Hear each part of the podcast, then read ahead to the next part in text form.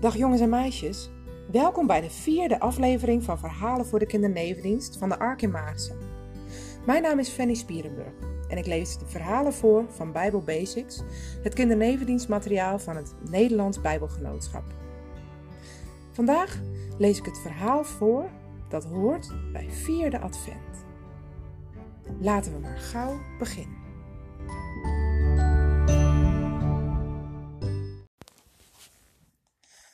Oh nee, hè? Oh nee. Johannes ziet het meteen als hij s'morgens in zijn groentetuin komt. Oh, het hek is stuk. Er zit een gat in. Een wild beest heeft vannacht van de druiven gegeten. Johannes zucht. Oh, vast weer een vos. Nou, die komt er niet nog een keer in. Johannes gaat meteen aan het werk. Hij timmert de planken weer vast en hij maakt het hek nog hoger. Terwijl hij bezig is, denkt hij na over het boek dat hij aan het schrijven is. Het boek over Jezus. In de afgelopen weken is Johannes een paar keer in de synagoge geweest om de oude boeken van Mozes en de profeten te lezen. En hij heeft zoveel bijzondere dingen ontdekt. Dat God helemaal in het begin het licht gemaakt heeft, bijvoorbeeld. En dat alles toen goed was tussen God en de mensen. Maar dat bleef niet zo. Dat stond ook in het boek. Want de mensen zeiden: We hebben God niet nodig, we willen zelf de baas zijn. Dat was heel verdrietig. Eigenlijk was het net of het toen donker werd op de wereld. Maar God bedacht een plan. Hij beloofde dat er iemand zou komen die het weer licht zou maken op de aarde. Iemand die het weer goed zou maken tussen God en de mensen. En die iemand is gekomen. Het was Jezus, dat weet Johannes nu. Jezus heeft ervoor gezorgd dat het licht weer is gaan schijnen. Dat het weer goed kan worden tussen God en de mensen. Zo, nou, het hek is klaar. Hier kan geen vos meer in. Johannes gaat even op een boomstam zitten om uit te rusten. Hij plukt een paar druiven van een tak en eet ze op. Hé, hey. hé, hey, wacht eens. Wacht eens even. Opeens herinnert Johannes zich een liedje dat hij vroeger wel eens gehoord heeft. Hij zingt het zachtjes voor zich uit. Omdat God de mensen lief heeft, heeft hij zoiets moois bedacht. Hij laat zonnestralen schijnen in het donker van de nacht. Ja, ja, dat liedje gaat ook over licht. Het gaat eigenlijk over Jezus. Zacharias, een oude priester, heeft het liedje gemaakt toen zijn vrouw een baby kreeg. Jezus was er toen nog niet eens. Hij was nog niet eens geboren. Hoe zat het ook alweer? Johannes doet zijn ogen dicht. Het lijkt net of hij het allemaal weer voor zich ziet. Alsof hij er zelf bij was. Daar komt Zacharias aanlopen. Oh, wat kijkt hij blij! Zacharias is als al een oude man. Hij ziet eruit als een opa. Maar toch heeft zijn vrouw net een kindje gekregen, acht dagen geleden, een jongetje.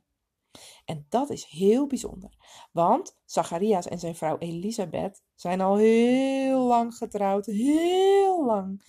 Maar ze hadden nog nooit eerder kinderen gekregen. Het is een groot wonder dat deze baby geboren is, nu ze al zo oud zijn. Zacharias is een priester. Bijna een jaar geleden was hij in de tempel aan het werk, helemaal alleen. Maar ineens stond er nog iemand in de tempel vlak bij hem. Het was een engel. Zacharias schrok zo vreselijk dat hij bijna omver viel. Niet bang zijn, Zacharias, zei de engel. Ik heb goed nieuws voor je. De Heere God gaat ervoor zorgen dat jij en je vrouw een baby krijgen, een jongetje. En je moet hem Johannes noemen. Dat betekent God is genadig. God is vol liefde. De kleine Johannes zal jullie heel blij en gelukkig maken. En de Heere God heeft een speciale taak voor hem. Als hij groot is, zal Johannes de mensen vertellen over God. Hij zal ze uitleggen hoe ze moeten leven. Hij zal ervoor zorgen dat de mensen in Israël straks klaar zijn voor de nieuwe koning. De redder die de Heere God beloofd heeft. Degene die ervoor zal zorgen dat het weer licht wordt in Israël. Ja, en nu is de baby dus eindelijk geboren en het is feest. Alle buren en familieleden van Zacharias en Elisabeth zijn gekomen. Vandaag krijgt het jongetje zijn naam. Jullie noemen hem zeker Zacharias, hè? vragen de buren. Net zoals zijn vader. Nee, zegt Elisabeth. Nee, we noemen hem Johannes. Zacharias knikt en hij schrijft de naam op een schrijfbordje.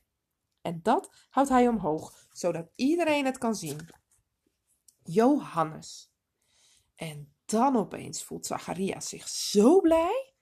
Oh, het lijkt wel of de zon binnenin hem is gaan schijnen. Zo blij is hij. Hij voelt dat de Heere God dicht bij hem is. Hij loopt naar Elisabeth toe, neemt het kleine jongetje van haar over en wiegt hem in zijn armen. En hij zingt een lied voor hem dat alle mensen mogen horen. Kleine jongen, pas geboren, Later als je groot bent dan, zul je iedereen vertellen van Gods grote mooie plan. Omdat God de mensen lief heeft, heeft hij zoiets moois bedacht. Hij laat zonnestralen schijnen in het duister van de nacht. Dood en angst gaan dan verdwijnen, niemand is verdrietig meer. God vergeeft je al je fouten, maak je klaar, straks komt de Heer. Ja, nu weet Johannes het weer.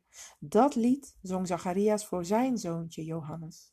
Dat zoontje, dat ook Johannes heette, net als hij zelf. Johannes de Doper werd hij genoemd. Hij vertelde alle mensen over de Zoon van God die eraan kwam. Johannes springt op. Hij klimt over het hek heen. Hij moet snel naar huis. Echt snel, want hij moet verder schrijven aan zijn boek. Hij moet het verhaal schrijven over hoe de Zoon van God naar de wereld is gekomen. Om alles goed te maken.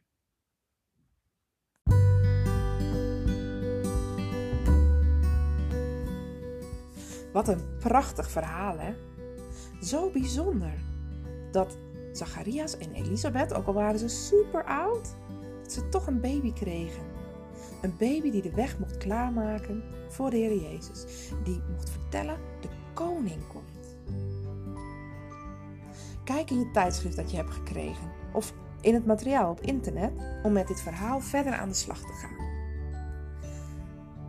De weekopdracht voor deze week is een hele mooie. Het gaat over een lied want Zacharias, die zong een heel mooi lied over Johannes. Wat is jouw lievelingslied? En wie zou jij blij willen maken met dat lied? Misschien ken je wel iemand die verdrietig is of alleen, of gewoon iemand die je lief vindt. Als je iemand weet die je blij wil maken met je lied, kun je gaan bedenken hoe je dat lied wilt delen. Kan op allerlei manieren natuurlijk. Je kunt misschien wel naar die persoon toe gaan om het voor hem of haar te zingen. Of je neemt het op met de telefoon en stuurt een filmpje of een berichtje. Of je, maakt, je schrijft het je gelied op en je maakt er een mooi kunstwerk van.